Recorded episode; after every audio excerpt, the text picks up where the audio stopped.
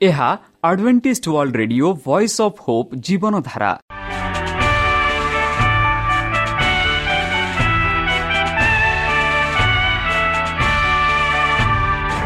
Odia radio କାର୍ଯ୍ୟକ୍ରମ ଯାହା ଆମର ଆନ୍ତର୍ଜାତୀୟ ଆଘାତ କେନ୍ଦ୍ରରୁ ପ୍ରସାରଣ କରାଯାଉଛି ପ୍ରତିଦିନ ରାତି ନଅଟା ତିରିଶ ମିନିଟ୍ରେ। ମୁଁ ସୁବ୍ରତ କୁମାର ପତି ପ୍ରେମର ସହ ଆପଣମାନଙ୍କୁ ଏହି କାର୍ଯ୍ୟକ୍ରମକୁ ସ୍ୱାଗତ କରୁଅଛି। ଚାଲନ୍ତୁ ଆଜିର ତିରିଶ ମିନିଟ୍ର କାର୍ଯ୍ୟକ୍ରମ ବିଷୟରେ ଜାଣିନେବା। ପ୍ରଥମେ ରଖିଛୁ ଆଧ୍ୟାତ୍ମିକ ଭକ୍ତିମୟ ଗୀତ। ଏହାପରେ ଶୁଣିବା ସ୍ୱାସ୍ଥ୍ୟ ବିଷୟରେ ଯାହା ଆମର ଦୈନିକ ଜୀବନରେ ଅତ୍ୟନ୍ତ ଜରୁରୀ। ଆଉ ପରିଶେଷରେ ଶୁଣିବା ପରମେଶ୍ୱରଙ୍କ ଭକ୍ତଙ୍କଠାରୁ ଜୀବନଦାୟକ ଈଶ୍ୱରଙ୍କ ବାକ୍ୟ। ପ୍ରିୟ ଶ୍ରୋତା ତାହେଲେ ଚାଲନ୍ତୁ ଶୁଣିବା ଏକ ଆଧ୍ୟାତ୍ମିକ ଭକ୍ତିମୟ ଗୀତ।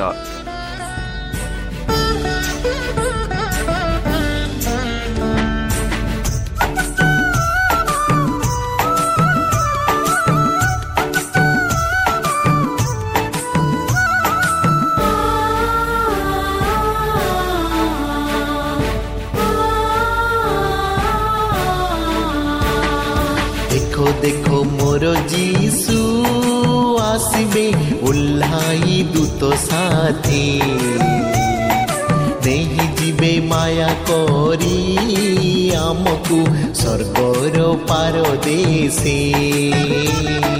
ଦେଖ ଦେଖ ମୋର ଯୀଶୁ ଆସିବେ ଓହ୍ଲାଇ ଦୂତ ସାଥୀ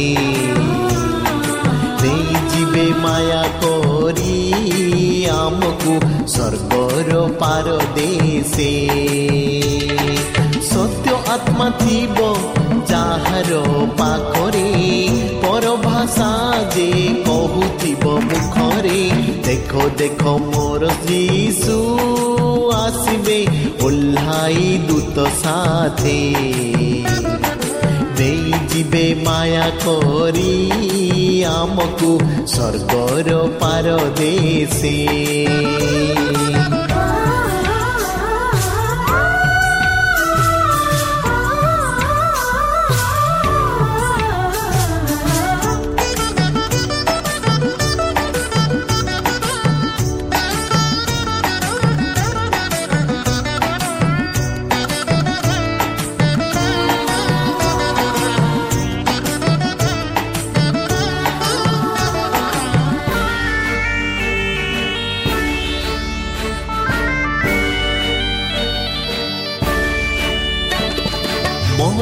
মরিচিকা জগতে আসবে তৃষিত পরাণ রহিতে আসবে মরু মরিচিকা জগতে আসবে তৃষিত পরাণ রহিতে আসবে জীবনর ঝর ঝরুচি কৃষরে জীবনর ঝর ଝରୁଛି କୃଷରେ। କ୍ଳାନ୍ତ ଜନତା ଆସରେ ଜୀବନର ଜଳ ପାଖେ ଦେଖ ଦେଖ ମୋର ଯୀଶୁ ଆସିବେ ଓହ୍ଲାଇ ଦୂତ ସାଥେ। ନେଇଯିବେ ମାୟା କରି ଆମକୁ ସ୍ୱର୍ଗର ପାର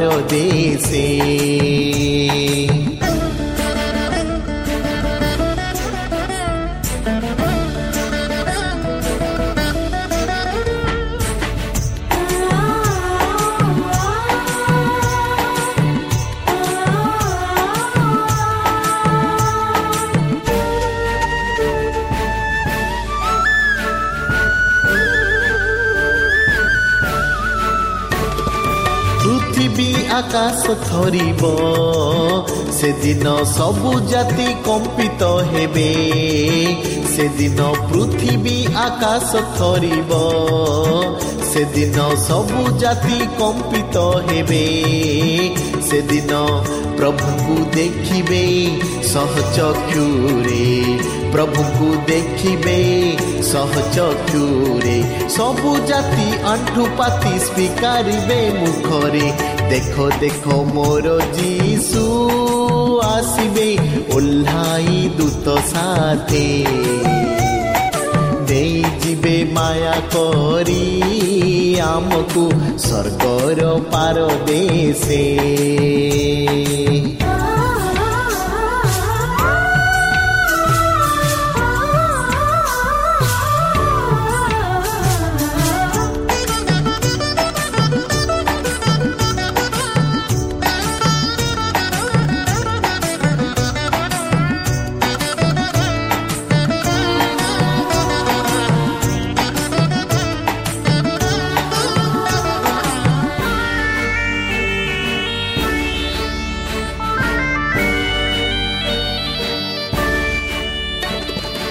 ଆପଣଙ୍କର ମତାମତ ଜଣାଇବା ପାଇଁ ଆମର ଏହି ଠିକଣାରେ ଯୋଗାଯୋଗ କରନ୍ତୁ।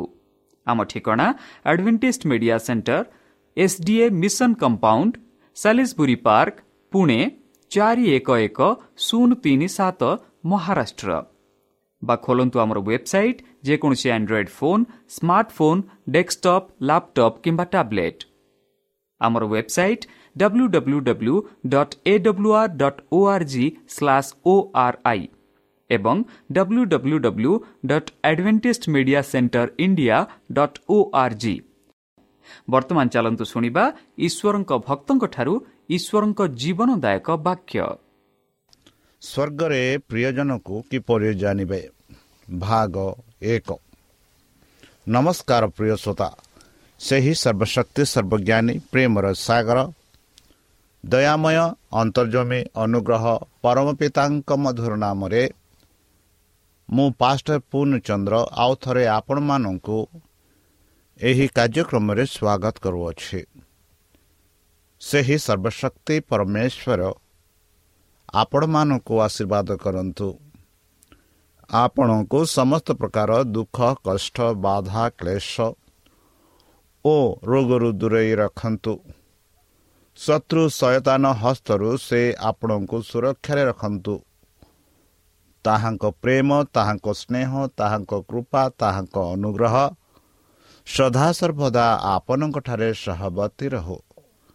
ପ୍ରିୟସତା ଚାଲନ୍ତୁ। ଆଜି ଆମ୍ଭେମାନେ କିଛି ସମୟ ପବିତ୍ର ଶାସ୍ତ୍ର ବାଇବଲଠୁ ତାହାଙ୍କ ଜୀବନଦାୟକ ବାକ୍ୟ ଧ୍ୟାନ କରିବା। ଆଜିର ଆଲୋଚନା ହେଉଛି ସ୍ୱର୍ଗରେ ପ୍ରିୟଜନଙ୍କୁ କିପରି ଜାଣିବା ବା ଜାଣିବେ? ଭାଗ ଏକ। ବନ୍ଧୁ ଆମମାନେ ସମସ୍ତେ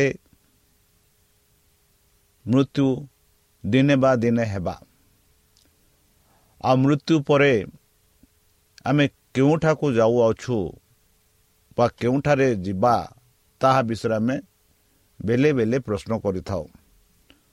ଯଦି ମୁଁ ସ୍ୱର୍ଗ ରାଜ୍ୟ ଯାଉଛି ଯେଉଁ ପ୍ରିୟଜନକୁ ମୁଁ ହରାଇଅଛି ସେମାନଙ୍କୁ ସାକ୍ଷାତ କରିପାରିବି କି? ଏହା ଏକ ଗୁରୁତ୍ୱପୂର୍ଣ୍ଣ ପ୍ରଶ୍ନ। ସ୍ୱର୍ଗରେ ସେମାନଙ୍କୁ ମୁଁ ଭେଟି ପାରିବି କି? ସ୍ୱର୍ଗରେ ସେମାନଙ୍କୁ ମୁଖାମୁଖି ହୋଇ କଥାବାର୍ତ୍ତା ହୋଇପାରିବି କି ବୋଲି ଏକ ପ୍ରଶ୍ନ ହୋଇପାରେ ଆମମାନଙ୍କ ମନରେ ଉତ୍ପନ୍ନ। ଆମେ ଜାଣୁ ଯଦି ଆମେ ଧାର୍ମିକ ଜୀବନରେ ଏହି ପୃଥିବୀରେ ବାସ କରୁଛେ ଯଦି ଆମେ ଧାର୍ମିକ ଭାବରେ ଆମ ବ୍ୟବହାର ଆମ କାର୍ଯ୍ୟଳାପ ଆଉ ଆମ ଜୀବନକୁ ପରିଚାଳନା କରିଛୁ ନିଶ୍ଚିତ ରୂପେ ଆମେ ଭାବିବାକୁ ହେବ ଯେ ଆମେ ସ୍ୱର୍ଗ ରାଜ୍ୟକୁ ଯାଇପାରିବା ଯଦି ଆମମାନଙ୍କ ସାଂସାରିକ ଜୀବନରେ ପାପମୟରେ ଭରି ରହିଅଛୁ ଆଉ ପାପ କାମରେ ଚାଲିଅଛୁ ତାହେଲେ ଏହା ଦର୍ଶାଏ ଯେ ଆମେ ସ୍ୱର୍ଗ ରାଜ୍ୟରେ ପ୍ରବେଶ ହୋଇପାରିବା ନାହିଁ। ତାହେଲେ ଆଜି ବିଶେଷ ଭାବରେ ଆମେ ଆଲୋଚନା କରିବାକୁ ଯାଉଅଛୁ ଯେ ଆମମାନଙ୍କ ପ୍ରିୟଜନ ଯେଉଁମାନେ ଆମ ପୂର୍ବେ ମୃତ୍ୟୁ ହୋଇସାରିଛନ୍ତି ଆଉ ଯଦି ମୁଁ ସ୍ୱର୍ଗ ରାଜ୍ୟକୁ ଯିବି ଆଉ ସେଇ ଯେଉଁ ପ୍ରିୟଜନକୁ ଯେଉଁମାନଙ୍କୁ ମୁଁ ହରାଇ ଅଛି ସେମାନଙ୍କୁ ସମ୍ମୁଖୀନ କରିପାରିବି କି ନାହିଁ ତାହା ବିଷୟରେ ଆମେ ଏହି ଆଜି କାଲିକୁ ଆଲୋଚନା କରିବା। ଯେପରିକି ଜହନ ପ୍ରଥମ ଜହନ ତିନି ଦୁଇରେ ଜହନ ଲେଖନ୍ତି ଏହିପରି ପ୍ରିୟମାନେ ବର୍ତ୍ତମାନ ଆମ୍ଭେମାନେ ଈଶ୍ୱରଙ୍କ ସନ୍ତାନ ଅଟୁ। ଆଉ ଆମ୍ଭେମାନେ କ'ଣ ହେବା ତାହା ଏପର୍ଯ୍ୟନ୍ତ ପ୍ରକାଶିତ ହୋଇନାହିଁ। ଆମ୍ଭେମାନେ ଜାଣୁ ଯେ ସେ ଯେତେବେଳେ ପ୍ରକାଶିତ ହେବେ ସେତେବେଳେ ଆମ୍ଭେମାନେ ତାହାଙ୍କ ସଦୃଶ୍ୟ ହେବା। କାରଣ ସେ ଯେପରି ଆମ୍ଭେମାନେ ସେହିପରି ତାହାଙ୍କୁ ଦର୍ଶନ କରିବା। କେଡ଼େ ସୁନ୍ଦର ଭାବରେ ପ୍ରଥମ ଜହନ ତିନି ଦୁଇରେ ଜହନ ଲେଖୁଅଛନ୍ତି କି ହେ ପ୍ରିୟଜନ! ଆମମାନେ ସମସ୍ତେ ସେହି ପରମେଶ୍ୱରଙ୍କର ସନ୍ତାନ ସନ୍ତୁଷ୍ଟ ଅଟୁ। ଆଉ ଆମେମାନେ କ'ଣ ହେବା ତାହା ଏବେ ପର୍ଯ୍ୟନ୍ତ ମାନଙ୍କୁ ପ୍ରକାଶିତ ହୋଇନାହିଁ। ଏମ୍ବା ଏବେ ପର୍ଯ୍ୟନ୍ତ ଏମାନଙ୍କୁ କୁହାଯାଇ ନାହିଁ। ମାତ୍ର ଆମେ ଜାଣୁ କ'ଣ ଜାଣୁ ଯେତେବେଳେ ସେ ପ୍ରକାଶିତ ହେବେ ସେତେବେଳେ ଆମ୍ଭେମାନେ ତାହାଙ୍କ ସଦୃଶ ହେବା ତାହାଙ୍କ ପରି ହେବା। କାରଣ ଯେପରି ଆମ୍ଭେମାନେ ସେହିପରି ତାହାଙ୍କୁ ଦର୍ଶନ କରିବା। କେଡ଼େ ସୁନ୍ଦର ଭାବରେ ଜହନମାନଙ୍କୁ ଆମର ସ୍ଥିତି ବିଷୟରେ କହୁଅଛନ୍ତି ଯଦି ଆମେ ଧାର୍ମିକ ଜୀବନରେ ଅଛୁ ସେହି ଯୀଶୁଖ୍ରୀଷ୍ଟଙ୍କ ନାମରେ ବିଶ୍ୱାସ କରୁଛୁ ଆଉ ଯେବେ ଯୀଶୁଖ୍ରୀଷ୍ଟ ଆସିବେ ଆମେ ତାହାଙ୍କ ସଦୃଶ୍ୟର ତାହାଙ୍କ ମୁଖ ଦେଖିବା ବୋଲି ଏଠି କହୁଅଛନ୍ତି ସାଧୁ ପାଉଲ ଫିଲିପିଓ ତିନି କୋଡ଼ିଏ ଏକୋଇଶରେ ସେ କହନ୍ତି ଏହିପରି ଆମ୍ଭେମାନେ ତ ସ୍ୱର୍ଗର ପ୍ରଜା। ସେ ସ୍ଥାନରୁ ମଧ୍ୟ ଆମ୍ଭେମାନେ ତ୍ରାଣକର୍ତ୍ତା ପ୍ରଭୁ ଯୀଶୁଖ୍ରୀଷ୍ଟଙ୍କ ଆଗମନର ଅପେକ୍ଷାରେ ଅଛୁ।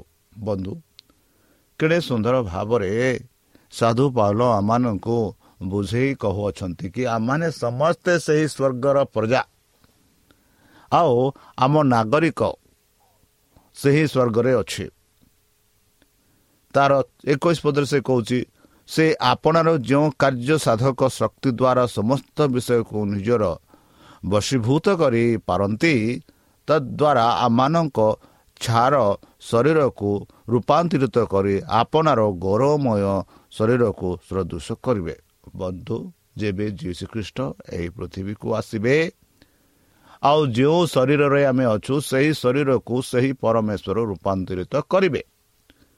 ଆମେ ଯେତେବେଳେ ସେହି ରୂପାନ୍ତ ରୂପାନ୍ତରିତ ହେବା ସେତେବେଳେ ଆମେ ତାଙ୍କ ସଦୃଶ ହେବା ଆଉ ଆମମାନେ ତାହାଙ୍କୁ ମୁଖାମୁଖି ଦେଖିପାରିବା ଆଉ କିଏ ଏହିପରି ହେବ ଯେ କେହି ତାହାଙ୍କଠାରେ ବିଶ୍ୱାସ କରନ୍ତି ଯେ କେହି ତାଙ୍କ ନାମରେ ବିଶ୍ୱାସ କରି ତାଙ୍କ ବାକ୍ୟ ଅନୁସାରେ ଚାଲନ୍ତି ଯେ କେହି ତାଙ୍କ ଆଜ୍ଞା ମାନନ୍ତି ସେମାନେ ରୂପାନ୍ତରିତ ହେବେ ପାପୀମାନେ ନୁହଁ କାରଣ ପାପୀମାନେ ସ୍ୱର୍ଗରାଜ ଯାଇପାରିବେ ନାହିଁ। ଆଉ ଯଦି ମୋର ବନ୍ଧୁ ବା ପ୍ରିୟଜନକ ମରଣ ହୋଇଛନ୍ତି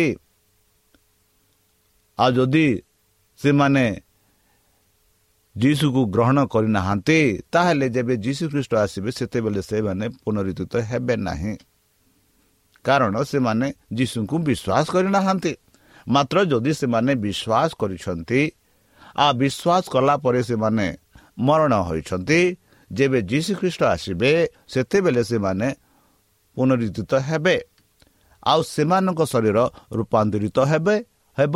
ଆଉ ଯେତେ ଜୀବିତ ଲୋକ ଅଛନ୍ତି ସେମାନଙ୍କ ଶରୀର ମଧ୍ୟ ରୂପାନ୍ତରିତ ହେବ।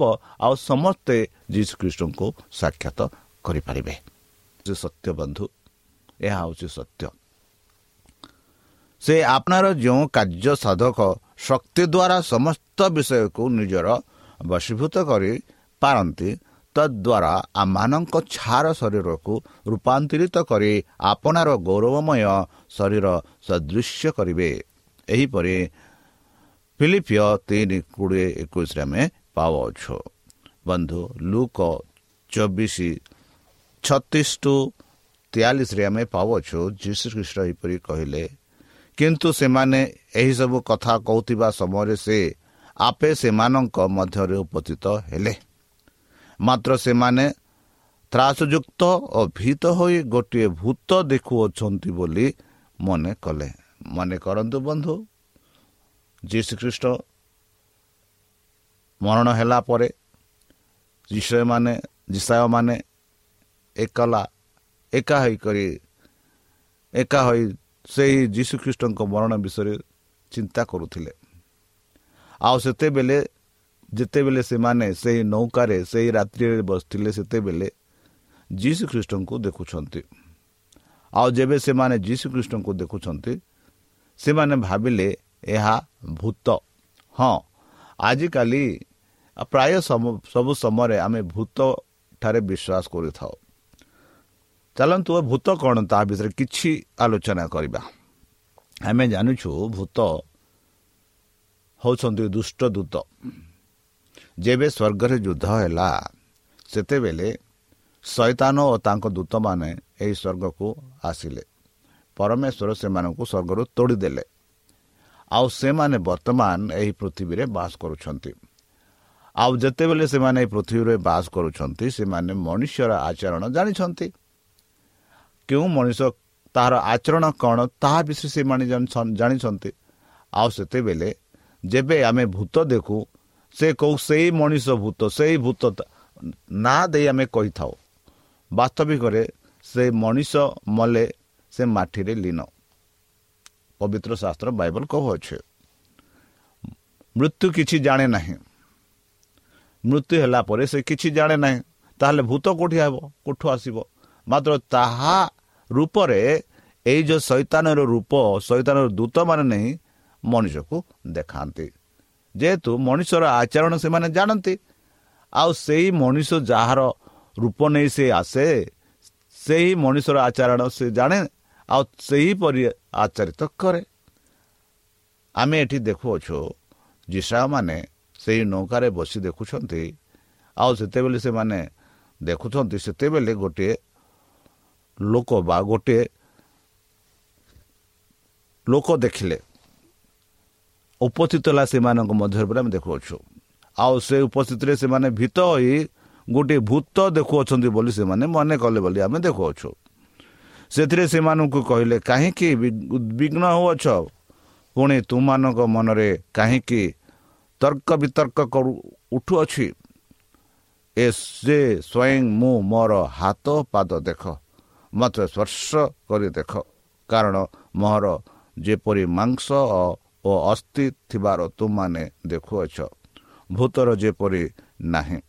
ଆଉ ସେ ଏହା କହି ସେମାନଙ୍କୁ ଆପଣର ହାତ ଓ ପାଦ ଦେଖାଇଲେ। ଦେଖନ୍ତୁ ବନ୍ଧୁ ମୃତ୍ୟୁ ପରେ ଯେପରି ଶିଶୁମାନେ ସେଇ ଉପର ବଖଳାରେ ଥିଲାବେଳେ ଯେବେ ପରମେଶ୍ୱର ସେମାନଙ୍କୁ ଦର୍ଶନ ଦେଲେ ସେମାନେ ଭାବିଲେ ସେ ଭୂତ ବୋଲି। ମାତ୍ର ଭୂତ ମୁଁ ଭୂତ ନାହିଁ ବୋଲି ଯୀଶୁଖ୍ରୀଷ୍ଟ କହିଲେ କାହିଁକି ତୁମମାନେ ଉଦ୍ବିଗ୍ନ ହେଉଅଛ କି ତୁମମାନଙ୍କ ମନରେ କାହିଁକି ଏହିପରି ତର୍କ ବିତର୍କ ଉଠୁଅଛି? ସେ ନିଜେ ସ୍ୱୟଂ କହି ସେ କହିଲେ ଆପଣ ହସ୍ତ ଆଉ ପାଦ ଦେଖେ ସେମାନେ ସେମାନଙ୍କୁ କହିଲେ ସ୍ପର୍ଶ କର ବା ଛୁଅଁ ଆଉ ଦେଖ ଯେ ତୁ ଭୂତର ମାଂସ ବା ଅସ୍ଥି ଥାଏ ନାହିଁ। ଏହିପରି ସେ କହିଲେ। ଆଉ ସେ ଏହା କହି ସେମାନଙ୍କୁ ଆପଣ ହାତ ପାଦ ଦେଖେଇଲେ। ତେବେ ସେ ତେବେ ମଧ୍ୟ ସେମାନେ ଆନନ୍ଦ ହେତୁ ବିଶ୍ୱାସ କରି ଚମତ୍କୃତ ହେବାରୁ ସେ ସେମାନଙ୍କୁ ପଚାରିଲେ ଏଠାରେ ତୁମମାନଙ୍କ ପାଖରେ କ'ଣ କିଛି ଖାଦ୍ୟ ଅଛି? ସେଥିରେ ସେମାନେ ତାଙ୍କୁ ଖଣ୍ଡେ ଭଜା ମାଛ ଦେଲେ। ବଧୁ ସେହି ନଈ କୂଳରେ ଆମେ ଦେଖୁଅଛୁ କିପରି ପରମେଶ୍ୱର ସାକ୍ଷାତ କଲେ। ଆଉ ସେମାନଙ୍କୁ ଆପଣା ହସ୍ତ ଆପଣା ପାଦ ଦେଖାଇଲେ। ଆଉ ସେମାନଙ୍କୁ ପ୍ରମାଣ କରିବା ନିମନ୍ତେ ସେ କହିଲେ କିଛି ଖାଇବା ପାଇଁ ଅଛି କି? ଆଉ ସେମାନେ ଯୀଶୁକୁ କିଛି ଖଣ୍ଡେ ଭଜା ମାଛ ଦେଲେ। ଆଉ ଯୀଶୁ ସେ ଭଜା ମାଛ ଖାଇଲେ ବୋଲି ଆମେ ଦେଖୁଅଛୁ।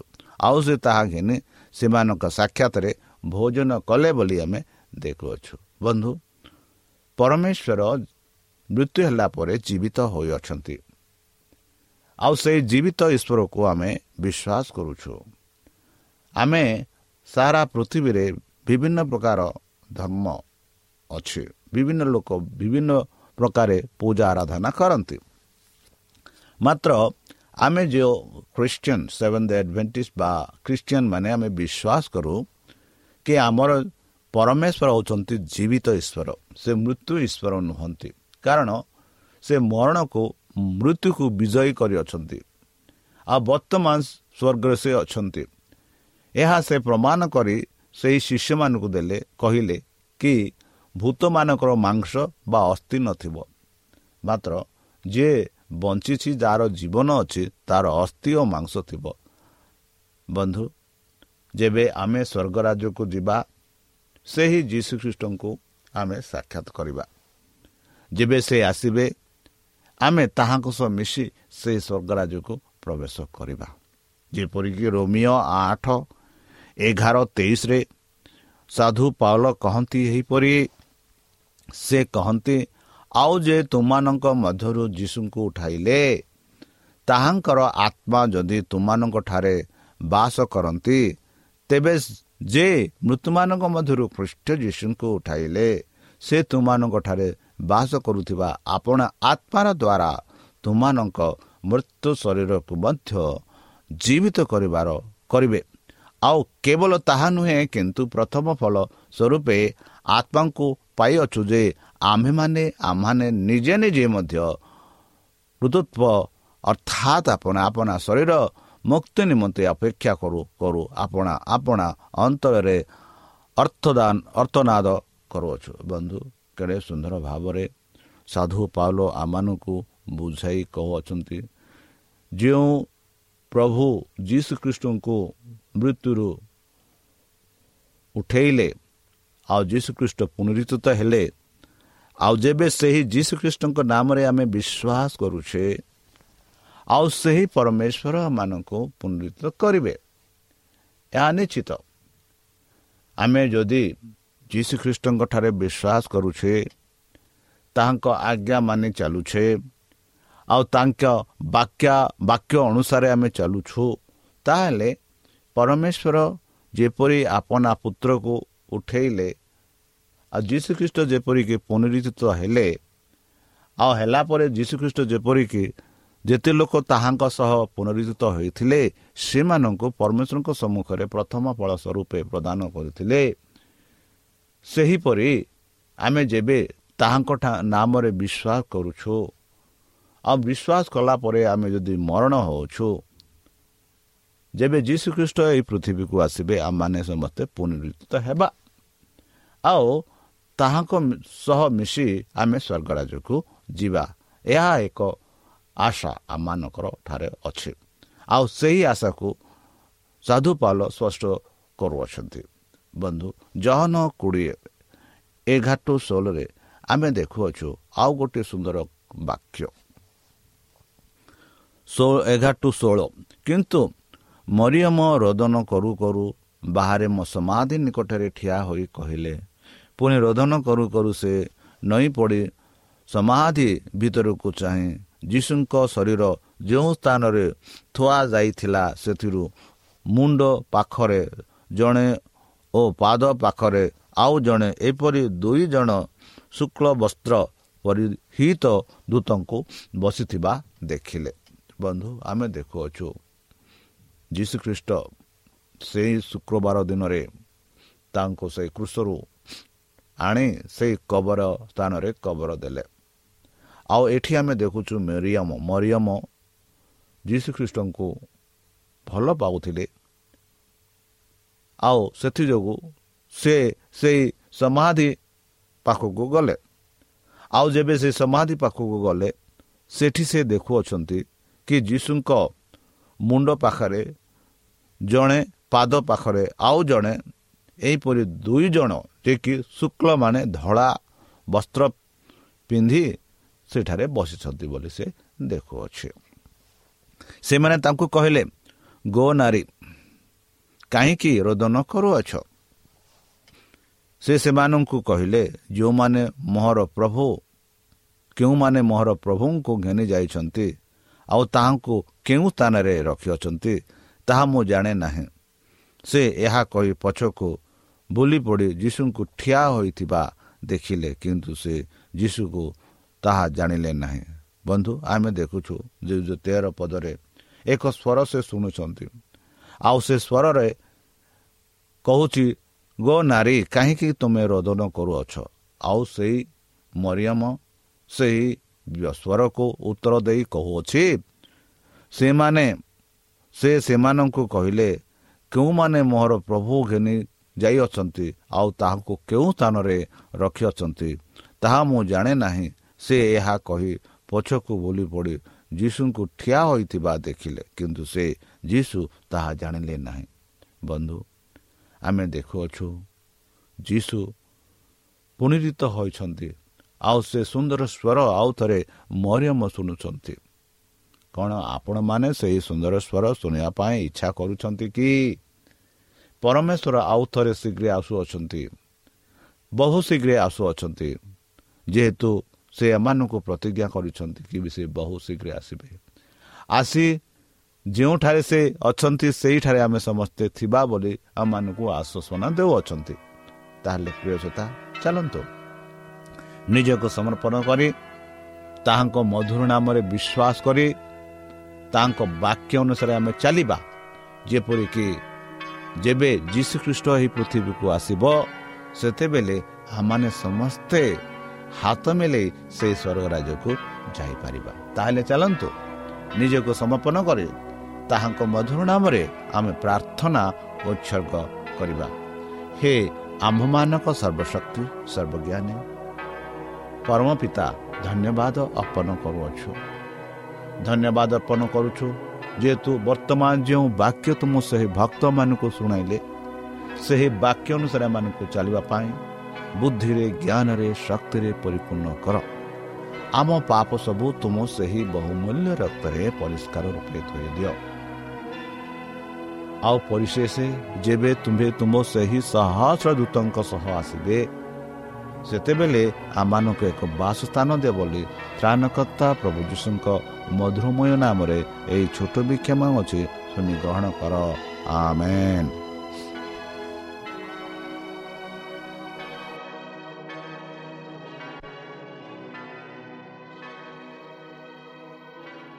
প্রিয় শ্রোতা আমি আশা করুছু যে আমার কার্যক্রম ଆପଣମାନଙ୍କୁ ପସନ୍ଦ ଲାଗୁଥିବ ଆପଣଙ୍କର ମତାମତ ଜଣାଇବା ପାଇଁ ଆମର ଏହି ଠିକଣାରେ ଯୋଗାଯୋଗ କରନ୍ତୁ ଆମ ଠିକଣା Adventist media centre SDA mission compound Salisbury park Pune ଚାରି ଏକ ଏକ ଶୂନ ତିନି ସାତ ମହାରାଷ୍ଟ୍ର ବା ଖୋଲନ୍ତୁ ଆମର ୱେବସାଇଟ୍ ଯେକୌଣସି Android phone smartphone desktop laptop କିମ୍ବା ଟ୍ୟାବ୍ଲେଟ୍ ଆମର website W W W dot A W R dot O R G slash O R I ଏବଂ W W W dot Adventist Media Centre India dot O R G Adventist Media Centre ଇଣ୍ଡିଆର spelling ହେଉଛି A D V E N T I S T M E D I A C E N T R E I N D I A ଅଥବା download କରନ୍ତୁ ଆମର mobile app ଆପଣଙ୍କର mobile play ଷ୍ଟୋରକୁ ଯାଆନ୍ତୁ ଆଉ type କରନ୍ତୁ the Voice of Hope ଆଉ download କରନ୍ତୁ। ଈଶ୍ୱର ଆପଣଙ୍କୁ ଆଶୀର୍ବାଦ କରନ୍ତୁ। ଧନ୍ୟବାଦ।